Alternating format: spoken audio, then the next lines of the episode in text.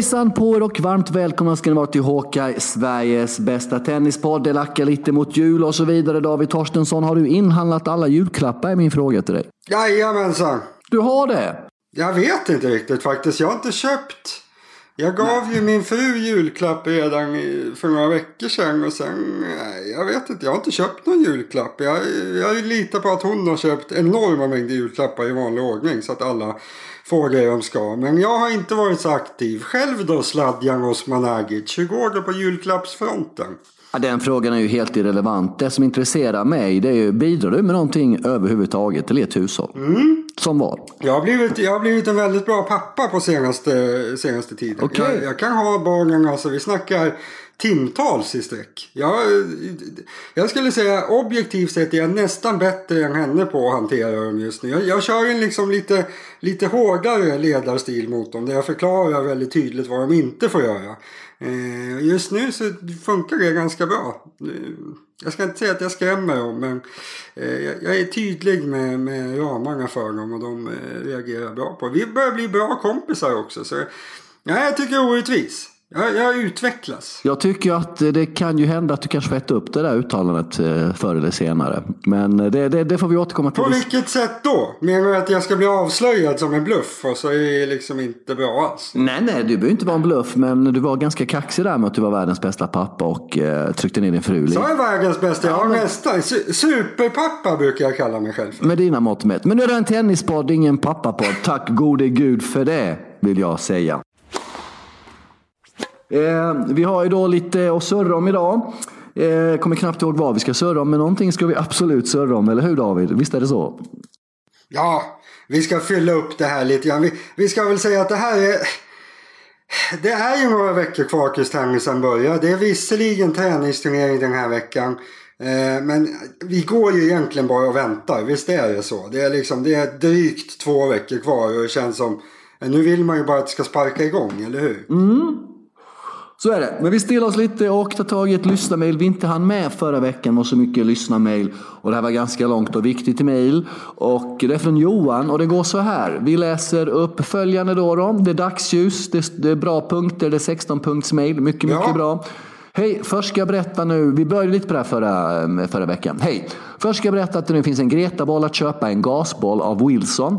Som håller betydligt längre än andra gasbollar. Något för Zlatan att spela med om eller när han börjar spela mycket tennis och vill rädda planeten på samma gång. Johan, tack för uppmaningen. Men min och Davids mission i livet är att rädda oss själva först och främst. Sen tar vi resten. Och nu kommer då frågan från Johan. Nu är vi med här. Vad säger ni om Saudiarabien nu med Wawrinka Medvedev med flera? var ju turnering här i helgen förra veckan. Eurosport sänder. Danny, alltså Medvedev, säger att det finns många bra saker med Saudi.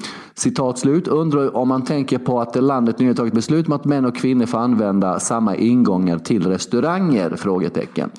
Men Allvarligt, denna turnering har helt smugit under radarn för mig. Det är en uppvisningsturnering. Jocko och Rafa skulle vi spelat en uppvisnings uppvisningsmatch där förra året. Det blev ingenting på grund av Rafas skada. För de fick mycket skit av det. Mycket mer skit än vad Joshua Ruiz fick när de gick en tävlingsmatch här för några veckor sedan. Eh, kanske på grund av det bisarra journalistmordet regimen utförde i Istanbul för något år sedan eller två. Nåväl, prata gärna upp denna Mellanöstern-turné lite så blir jag glad med vänliga hälsningar Johan. Ja, vi hann ju inte med det här förra veckan. Många intressanta frågeställningar. Det var ju turnering då i eh, i, i den här orten i Saudiarabien som har satsat på turism. Det var där boxningsmatchen mellan Ruiz och Joshua gick och den här turneringen då bland annat Wawrinka, Medvedev och så vidare. Och Wawrinka och Medvedev har ju, eller Wawrinka har ju tillsammans med Ruiz och Joshua även medverkat i en reklamspot för den här eh, orten. Som jag tyvärr har glömt bort namnet på. Det är ju inte Riyadh. Di- Diraya eller Exakt. Diria eller något. Och eh, ja, man kan ju vända och vrida och stöta på detta på tusen olika sätt. Var börjar vi David Torstensson? Ja, vi börjar väl med att säga att förutom att jag är en superpappa så är jag även en miljöhjälte. Han började lite, jag ska köpa solceller Sladjan. Men det behöver vi inte prata om till Nej. någonting nu. Men, men det blir, jag, jag kommer att rädda planeten. Eh, det här med Saudiarabien, ja vi får väl snacka ner det lite. Jag, jag kollade ju på den här turneringen givetvis. Man är ju ganska svältfödd just nu kan man säga. Eh, och det var, ja, det var ju ganska bra spelare. Flera av dem var väl besvikelser om man ska vara riktigt ärlig. Eh, men det var väl Medvedev och Fognini som gick till final som stack ut egentligen. Medvedev vann ganska enkelt finalen. 10 miljoner kronor vann han på finalen och säkert en bra peng för att komma dit också. Så det var väl en okej okay vecka för vår eh, ryske vän. Annars så som du nämnde där som var där och gjorde reklamfilm. Han var helt fruktansvärd. Det såg ut som han faktiskt försökte förlora med flit mot Isner i i eh, sin sista match där. Det var inte så roligt att se. Jag, jag vet inte, det var ingen publik på det här. Det var liksom inget eh, drag. Det, det blir superkonstigt när man ska spela någon slags uppvisningstennis där allting bara handlar om ja, de spelar om lite pengar och folk ska komma och titta. Och så är det ingen som tittar. Det var ju ingen som var och tittade på det här riktigt. Det var inte som, som boxningsmatchen som den här arenan var byggd för direkt när det var, när det var fullt liksom. Det här var Ja, det var inte många där. Och det var liksom deppigt och konstigt. Det enda som var bra det var väl att de använde den här samma Hawkeye som de gjorde i, eller som de gör i knatteslutspelet. Funkade hur bra som helst här också. Eh, så det kanske är ett tecken på att ja, det kanske är på gång. Kanske vi kan föra in det där i lite riktiga turneringar också. Men om den där turneringen, jag vet inte om jag har så mycket mer att säga. Det var väldigt sömnigt. Jag hoppas att det blir lite bättre fart på gubbarna i Abu Dhabi den här veckan i alla fall. Men någonting som jag undrar David, folk eh, med rättvisepatos är väldigt snabba på att ställa krav på idrottsmän. Hur kan ni åka dit och göra det? Samtidigt är vi i väst tämligen beroende av Saudiarabiens olja. Det är det beroendeförhållandet vi har med dem. Blir det inte lite dubbelmoral någonstans? Varför förväntar sig folk att idrottsmän ska bojkotta ett land som vi är beroende av när vi själva inte Nej, det, där, där håller jag helt med om. Det, det tycker jag är ganska konstigt. För det, det är väl inte som att Sverige bojkottar Saudiarabien rent allmänt vad jag, vad jag vet i alla fall. Och att, att idrottsmän då ska gå i bräschen på något sätt. Det, det känns väl lite tveksamt. Det enda är väl alltså för, för folks helt egoistiska del liksom, så kan jag, jag kan ärligt talat bli förvånad att spelarna ens väljer att åka till Saudiarabien. Jag hade ju inte velat åka dit. Men alltså för, för vanliga utlänningar och idrottsmän är det förmodligen inga problem att, åka dit. Det kan jag inte tänka mig. Så, så det, det, Nej, jag förstår din tanke. Det är liksom det, man ska väl inte döma för att de åker dit. Sen om Wawrinka väljer att göra reklam för landet i någon mån som han gjorde här tillsammans med boxarna. Det, det får man väl välja själv var man tycker att gränsen går. Vad man ska göra reklam för och vad man tycker om det. Liksom. Men, för vi är ju alla skurkar då. finns det väldigt mycket annat. Ja, men det är vi väl. Samtidigt så kan man, ja absolut, samtidigt ska man ju välja hur mycket man, alltså det är väl en sak om du använder en produkt från landet och kanske en liten annan om du väljer att puffa för landet i en reklamspot liksom. Det känns ändå som ett steg uppåt. Men jag tycker att det där, alltså det måste man ju få välja själv på något sätt. Och tycker han att det är bra att göra reklam för det för att han får pengar, då får han väl göra det. Det finns ju jättemycket andra dåliga saker som folk tycker att folk gör reklam för. Så jag vet inte, jag, jag, tycker det känns som om man tycker att det är hemskt att Wawrinka gör lite reklam för Saudiarabien så låt honom göra det. Jag tycker inte att man ska halshugga honom för det riktigt. Nej, men det är fascinerande här. Vi kommer ihåg hur mycket liv det blev när Djokovic och Rafa skulle spela uppvisnings förra året. Kontra nästan inget liv allt från samma engelska press som vi berörde tidigare nu när Ruiz och Joshua boxades där i titelfight där tre bälten. Man har väl lite lägre förväntningar på boxare, har man inte? Ah, alltså, det, vet allmänt. det vet jag inte. Det vet Fast jag inte. så är det ju Sladjan. Ta ställning nu och säg att folk har lite lägre förväntningar på boxare på tennis. Tennisspelare är någonstans, de förväntas ju vara extremt renhåriga förväntar sig tennisspelare. De ska inte, det är gentlemannasport och allt det här. De ska inte göra ett enda fel. Mm. Så jag förstår. Sen tycker jag inte att det är rätt. Jag tycker inte att tennis ska vara, ha högre liksom förväntningar på sig än någon annan sport. Det där med att tennis ska vara en, en, en, en sport för gentlemän och allt det där. Det känns ju helt overkligt föråldrat liksom. Det har ju ingenting med nutiden att göra. Men Ja, det, det är fortfarande så folk ser på det och då är det väl ingen skräll att det blir lite mer ramaskri när Djokovic och Nadal marknadsför någonting som anses vara lite halvfult jämfört med de två boxare som kanske inte har imagen av att vara de absoluta svärmorsdrömmarna gör det. Tänker jag. Mm. Du, hur såg Fognini ut förresten? Du sa Medvedev så fin ut, Wawrinka så inte fin ut. Hur såg Fognini ut? Ja men fin! Alltså det, det, var en rolig start på den här veckan. Fonini mötte ju eh, Isner i första matchen där. Och, alltså, efter tre game då såg det redan ut som han liksom levt ett otroligt tufft liv den här säsongen på tennisbanan. Han hade redan liksom haft några mindre psykbyt och tänkte sett ut som att nej, liksom, nu skiter jag i det här. Det går så jävla dåligt. Eh, och då stod det alltså 2-2 i game där i början.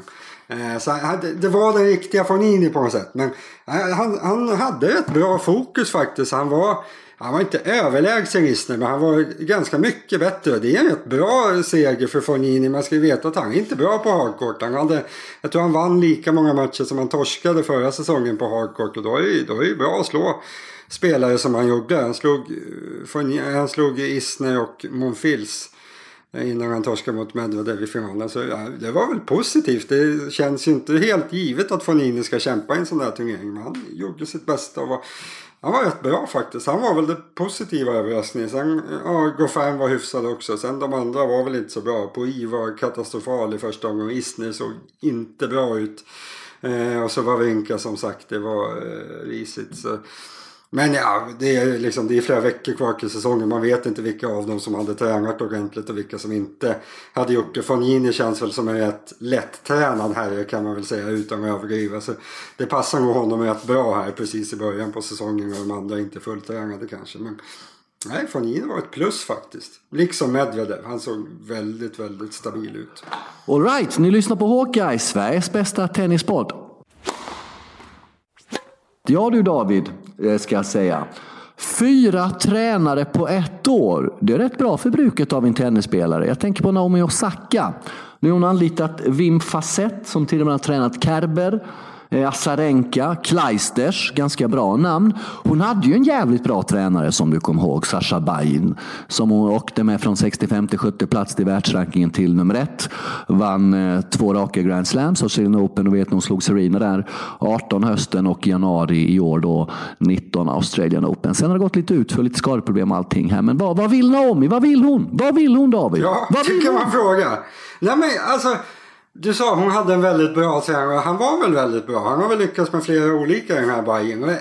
Är det hon hoppas på tror du att hon liksom vill få samma lyft igen? Hon fick ett omedelbart lyft när hon tog in honom. Är det det hon hela tiden söker Hon tror liksom att man på löpande band kan hitta tränare som omedelbart lyfter henne från ingenstans. Är, är hon liksom så dum eller vad man ska säga att hon tror att det händer ofta? Eller jag, jag hittar ingen annan tanke kring det. Nej, det verkar vara lite planlöst och sökande just nu. Eh, jag vet inte riktigt. Hon har ju sån enorm potential den här tjejen. Hon spelar bra. Hon spelar ju så sjukt jäkla bra alltså när hon är bra.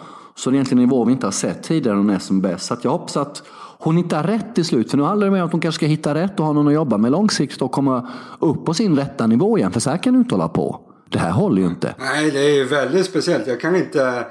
Jag kan inte ens, alltså det kan inte finnas någon här spelare som har haft fyra tränare på ett år. Det, alltså, nej, det, det nej. kan inte ha hänt. Det är, är väldigt, det, väldigt mycket. En annan intressant följdfråga blir till slut då David. Är det henne det är fel på eller tränarna? Vi vet att Noomi är ganska inåtvänd. Det sätt hon är komplicerad hit och dit. Det är ju, kanske kan ha en viss betydelse när man jobbar med någon.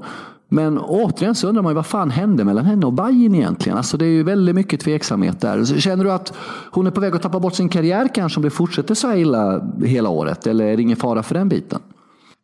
Jag vet, jag kan väl egentligen lite för lite om det. Men hon känns väl ibland lite, alltså av intervjuer och sådär. Det är som att jag ser mer intervjuer med damspelare än herrspelare märkligt. Jag tittar aldrig på intervjuer med herrspelare. Mm. Men hon verkar liksom lite, någonstans verkar hon inte så här superfokuserad på, på tennisen. Det är som att jag kan tänka mig verkligen att min teori där kan stämma. Att hon, hon på något sätt vill att en tränare ska lösa det åt henne istället för att hon själv ska mm. jobba sig fram framåt. Och den här Bayern kanske var så jäkla bra helt enkelt att han lyckades med just det. Att han bara, han sa åt henne vad hon ska göra och så blev det blev en robot som fungerade och så, så blev det bra liksom. Eh, så det skulle inte, men det känns ju ganska vilset tycker jag i alla fall. Just det där att som man verkar vara lite disträ och så fyra olika tränare. Det känns ju, alltså har man fyra tränare på ett år då ger man dem ju inte chansen överhuvudtaget. Alltså det Nej. finns ingen möjlighet att få något att fungera på ett par tre månader. Så Jag kanske skulle behöva en bra rådgivare som lär henne lite om livet istället. Jag vet inte, för det där känns inte särskilt vettigt. Jag vet inte vad hon är, vad är hon rankad nu liksom? Hon är väl fortfarande i toppen så det känns som hon, Ja, ja. hon kör liksom panikåtgärder fast hon nästan är bäst. Det är väldigt knepigt. Mm, därför blir det ju intressant då med Facett som har jobbat med tre tidigare superspelare då. då eh, och eh, hur, den blir, eh, hur, hur det blir där. Eh, Men eh, vi får hålla lite koll på Osaka här. Och någonstans så önskar jag mig att någon kanske kunde fråga henne på en av de här presskonferenserna. Ångrar du att du sparkade Bayern? Ångrar du att du sa upp samarbetet med honom? Eftersom du har haft fyra tränare sedan dess och det funkade jättebra med honom. Det inte funkar sedan dess. Men den frågan kanske vi får åka på någon presskonferens och ställa själva David. En vacker dag. Vi får åka till, eh, vi skickar dig till... Ibland blir, man, ibland blir man förundrad när man läser de här transcripts från presskonferenserna. Att det ställs aldrig några vettiga frågor. Vet du. Bara massa trams hela tiden. Helt sjukt. Okej, Andy Murray skjuter på sitt basecamp i Florida, hans klassiska basecamp när han kör stenhård fys eh, efter ett schema som du har lagt upp åt honom. Eh, Men nej, inte Han kör, han, jag tror faktiskt att han kör stenhårt fys. Visst ser vi framför oss att Murray kör stenhårt på riktigt. Det känns som, när Murray väl tränar, då, då kan han nog träna ganska hårt kan jag tänka mig. Det sägs att Bosse Hansson brukar kolla på där i Florida när han kör sina fyspass. Nej. Det kanske är han som är fystränare. Jag är väl känd för det. Han vill väl lära ut. Ja, nog om detta, det närmar sig jul, vi är inte så disciplinerade. Men det är en skada då, en ny skada som har dykt upp, hos Andy som gör att han skjuter på det här basecampet. Den är ju inte bra. Nej, jag vet inte. Är det definierat vad det är för typ Nej, av skada? ännu Eller värre liksom- när det nej. inte är definierat kan jag tycka. Ännu värre. Ja, alltså han stod ju över hela avslutningen. Han spelade väl var en eller två matcher han spelade i Davis Cup. Sen stod han över de sista. Eh, och det, då kändes det alltså, han, han skadade sig inte under de här matcherna. Det var i så fall någon slags förslitning som gjorde att han inte kunde spela. Eh, och sen odefinierad skada nu på det. Då tänker man ju liksom, ja, har kroppen lagt av eller håller den på att lägga av? Liksom hur, hur mycket finns det egentligen kvar där? Det känns ju otroligt oroväckande. Jag menar, om man fortfarande inte har börjat träna. Eh, det lär inte bli något ATP Cup känns det som. Och Australian Open det är en månad bort liksom. Ja, och det ska inte vara i fara säger de, understryker de. Och just Nej, därför blir men man extra liksom, det är klart han säger grejer än så länge om han tänkt spela. Eh, men det är klart som korvspad att den är i fara när det är en månad kvar och han ska vara skadad nu alltså. Mm. Med den historiken liksom. Det känns som jag hade nog inte satt mina pengar på att han spelar Australian Open till två gånger pengarna om det. Om jag fick fråga nu liksom med, med en månad kvar och inte börjat träna. Han har varit väldigt försiktig sen han kom tillbaka med hur mycket han har spelat och inte spelat om det känns ens halvdåligt. Jag tror inte han kommer åka till Australien. Nej, vi kommer ihåg att du sa detta och eh, ja, mycket, mycket intressant. Och det ska vara oerhört tråkigt om det blev så. Samtidigt, om man inte är hundraprocentigt förberedd som man önskar så ska han inte dyka upp heller. Eh, på Håkan som sagt. Vi ska prata lite om decenniets bästa tennisspelare och sen efter det ska David Torstensson, mannen bakom Vamos Raffa, spekulera i vad Roger Federer gör en ledig dag i Dubai så över off-season. Och det ser jag ganska mycket fram emot kan jag säga David. Eh, vad händer på bloggen förresten i dagarna innan vi går in på decenniets bästa? Ja, men jag, jag kämpar ju på med min 100 topplista här som vissa tycker är jätterolig Mm. och få lära sig lite om spelare som är mossiga. Alltså det är skittråkiga spelare jag skriver om. När, när jag skriver om det här så kommer jag fram till att det är helt sjukt Sladjan vad många spelare det finns som folk inte bryr sig om. Alltså du kan vara rankad 50-60 i världen och ingen skulle märka om du försvann i två år typ. Alltså det är helt fantastiskt vad tennisen är centrerad runt de absolut bästa. Breddspelarna, alltså de, egentligen så skulle man bara kunna byta ut dem rakt av. De har liksom, det är ingen som bryr sig om dem. Nej. Men jag tror att, jag hoppas i alla fall att vissa tycker att det är lite kul nu inför eh, inför kommande säsong liksom. Får man lära sig någonting om de här breddspelarna sen när man ser dem i Australian Open så kanske man tycker att det är lite roligare för man har läst någonting om dem. Jag hoppas på det i alla fall.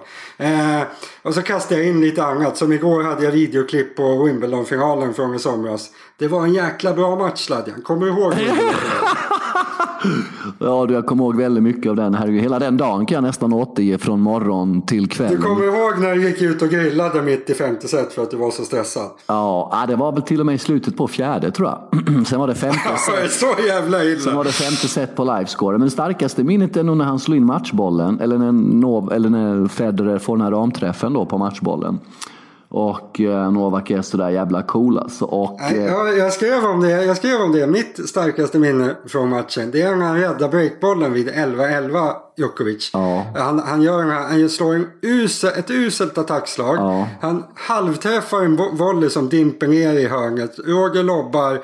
Djokovic ramar smashen så att den liksom går typ fem meter från där han siktar. Så han räddat breakbollen och liksom hånskrattar på något sätt. Jag är helt säker på att han tänker att vad fan ska jag göra för att förlora matchen? Det är liksom allting i den här matchen talade för att han skulle förlora. Men det var som att han kunde inte förlora. nej, men, Och det var väl en blandning av att Federer inte kunde vinna också. Men otroligt fascinerande match det där. Alltså. Mm, men min starkaste minne ändå precis i ögonblicket han slår in matchbollen så hoppar jag, min kompis och min då, vad blir det? Min most, fasters man då eh, hoppar upp och fasters man då, Ham då, Hamdia är ju jävel på grillar då. Så att liksom, innan, liksom, medan Djokovic går fram till Federer stänger han av tvn och bara nu går vi ner och grillar. Så man fick se liksom. Varför gå? Ja, det- Så gör man väl inte? Så det fick jag Va? se om på kvällen där då liksom när han äter sitt gräs och jag njuter av allt det där. Vi ska prata om Nobidal också alldeles strax. Men först då decenniets bästa spelare är då Novak Djokovic utsedd till. Det är väl inte så mycket att snacka om. Om vi tittar till antal veckor eh, som världsetta, antal Grand Slams han har vunnit den här perioden. Han är den enda sedan 69 som har har varit mästare i alla fyra Grand Slam samtidigt och så vidare och så vidare och så vidare. Och eh, ja, sammanfattar Djokovic decennium kort. Att han var bäst. Jag läste eh, precis här på morgonen en, en artikel på ATPs hemsida där de hade spaltat upp hur mycket, hur mycket de bästa spelarna hade vunnit. Alltså han, han slaktar de andra inom alla. Det är väl Nadal som är nära. Djokovic 15 Grand Slams under 10-talet, Nadal 13 slams. 29-20 i Masters-titlar mellan de 4-0 i slutspelstitlar eh, för Djokovic. Så Det är de man kan jämföra när det gäller bästa spelare under 10-talet. Men det finns ju egentligen ingenting som, som pekar mot Nadal. Så Djokovic är ju helt given. Det, det intressanta med de här uppspaltningarna det är ju egentligen att alltså Federer, om man ser till bara vad de har vunnit. Då går det inte att jämföra Federer med Djokovic och Nadal. Utan Federer ska ju istället jämföras med Murray under 10-talet. Alltså han är i alla kategorier han lite, lite före Murray.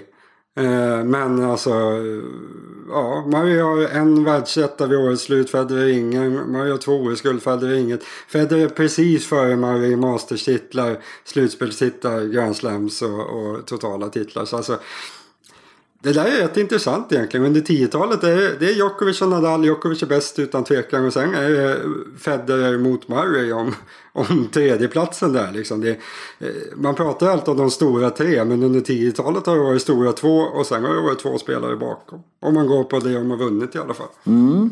Djokovic är det ordning och reda på. Man har redan inför 2020 i hans stab skickat ut, eh, kommunicerat ut meddelanden om att Vaida är coachen på plats i Australian Open. Vaida är coachen som är på plats i, på Roland Garros. Ivanisevic Goran från Split, Kroatien, Dalmatien.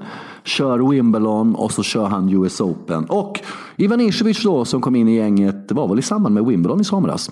Eh, sen en ganska intressant sak. Eh, det var bra för Djokovic motivation att han slutade som världstvåa inför 2020. Eh, och det låter ju intressant någonstans. Någonstans har vi varit inne på det här och eh, jag vill se lite svar från Djokovic 2020. Eh, och eh, det här att han ska spela både ATP Cup och Adelaide veckan innan Australian Open som vi har berört är oerhört ovanligt. Vad, vad, vad, vad, vad har du för feeling? Vad säger din gut feeling, din magkänsla om Djokovic 2020? Ja, men alltså Ivan Isovic har väl en poäng där känns det som. Det är, det är lätt att säga det såklart att en, en spelare ska bli mer motiverad av att bli nerknuffad liksom. Men alltså om man ser till Djokovic de senaste åren. Alltså hans enda problem det har egentligen varit att han har ibland vunnit ihjäl sig. Att när han har vunnit det mesta och varit världsetta hela tiden. Det har ju inte funnits någonting för honom att jaga egentligen. Alltså han har ju, han har ju bara behövt försvara sig hela tiden. Alltså om han vinner då är det normalt. Vinner han inte då är det dåligt. Nu när han hamnar bakom Nadal, ja, men nu får han ändå ett bra läge att försöka jaga ikapp världsetteplatsen igen. Eh, även om det, det är ju ingen marginal liksom. Så det, är ingen, det kommer inte krävas något utöver det vanliga direkt för att han ska lyckas. Men det är ändå någonting han kan fokusera på som han inte har. Under de senaste åren då har han alltid haft allt. Och så ska han försvara det liksom. Nu får han ändå någonting att jobba efter. Ju mer man tänker på det här att han ska spela första två veckorna desto mer kommer man fram till att nej men han har väl bestämt sig nu. Nu är det väl där slutramsat och så börjar han köra stenhårt istället och kommer att slakta alla i Australian Open. Det är väl det man kan, kan tänka sig. Du David, har du varit i Dubai någon gång? Absolut inte. Det har jag varit en gång. Oj, vad gjorde du? Hur var det? Berätta. Det var länge sedan, det var 2006. Så det var länge sedan. Det var väldigt mycket eh, byggkranar. Det var väldigt mycket skyskrapor. Och det var väldigt ofärdigt så det ser nog helt, ser nog helt annorlunda ut nu då 13 år senare. Men en som bor där nere off season det är Roger Federer med familj. Ja, visst gör han det. Eller vet man att han är där? Man, det, det, är ganska, det känns som man vet aldrig vad Federer är riktigt. Men han ska väl vara i Dubai under off-season. Men de kanske inte vill veta att vi ska veta vad de är så att säga. Men, Nej, säkert. men Absolut. hur ser Men, ut för Roger i Dubai då? Berätta, kom igen nu, spåna på här nu. Det här har jag varit äggad Ja, för men- i 24 timmar nu. Vet du vad det stora problemet med det här är Sladdy? Nej. Det är att jag har ju av det här har jag ju blivit så otroligt jävla nyfiken. Ja. Att jag kan ju knappt fokusera på sport. Alltså, jag måste få veta vad han gör. Ja, vad gör han då? För alltså, ja men... Jag, jag fastnar ju på att han gör ju säkert vanliga grejer. Jag, man, man kan ju tänka att han gör så här liksom, han, han, han gör så här superstjärnestar-grejer. Han, han, han går till någon liksom läkare som försöker konservera honom till att liksom stanna i åldrandet. Och han, han, han, går till någon prins och liksom eh, tuggar på lite guld. Nej, varför skulle han tugga på guldgrejer? Nej, men jag tror inte det. Alltså, jag tror han fikar mycket Federer. Är, är det en dumt? Jag tror att han kan röra sig ganska normalt i Dubai här. Det känns inte som att folk anfaller honom på gatan direkt. Så jag, jag ser ju liksom honom framför sig strosa runt i något köpcenter och ta en, en, en ordinär kopp kaffe med en liten sån här chokladbit. Helst från det märket han är sponsrad av. Det, det känns som det kan ju vara hans huvudsyssla liksom. Sen, sen är han väl och tränar någon timme också. Eh, och sen känns det väl som det är familjetid även för Federer efter klockan fyra. Mirka är säkert ute och handlar en hel del på dagen. Eh, hon känns eh, shoppingkompatibel. Eh, och sen, jag vet inte, si- si- sitter de i soffan som alla oss andra från 16 framåt och kollar på Idol liksom? Har han livvakt? du? Du får hjälpa mig. Ja, ja, jag tänkte väl när jag ser någon framför mig Dubai han går runt. Jag tror, har han livvakt eller inte exempelvis? Nej, Jag tror det de- tror jag inte faktiskt. Det tror jag, det tror jag inte. Tror du det? Ja, någon undercover som går några meter vid sidan av eller bakom. Tror? Jag tror han har två lite som är liksom inte direkt inpå men i närheten utifall att någonting händer. Är de så här eh, Säpo-klädda då med svart kostym? Nej, jag tror det är mer liksom träningskläder eller casual. Men de är där, de har en funktion, ett syfte så att säga. Va? Jag skulle nog se... Han har, han har råd med det. Ja, eh, det, ja eh, det, det är vad jag tror. Sen sa han en jätterolig sak här om, i något klipp här för någon vecka sedan. Jag såg att något av barnen hade vaknat mitt i natten så han hade gått och tröstat dem. Och då hade barnet bett om ursäkt till Roger. Så nej, du behöver inte be om ursäkt för att du liksom...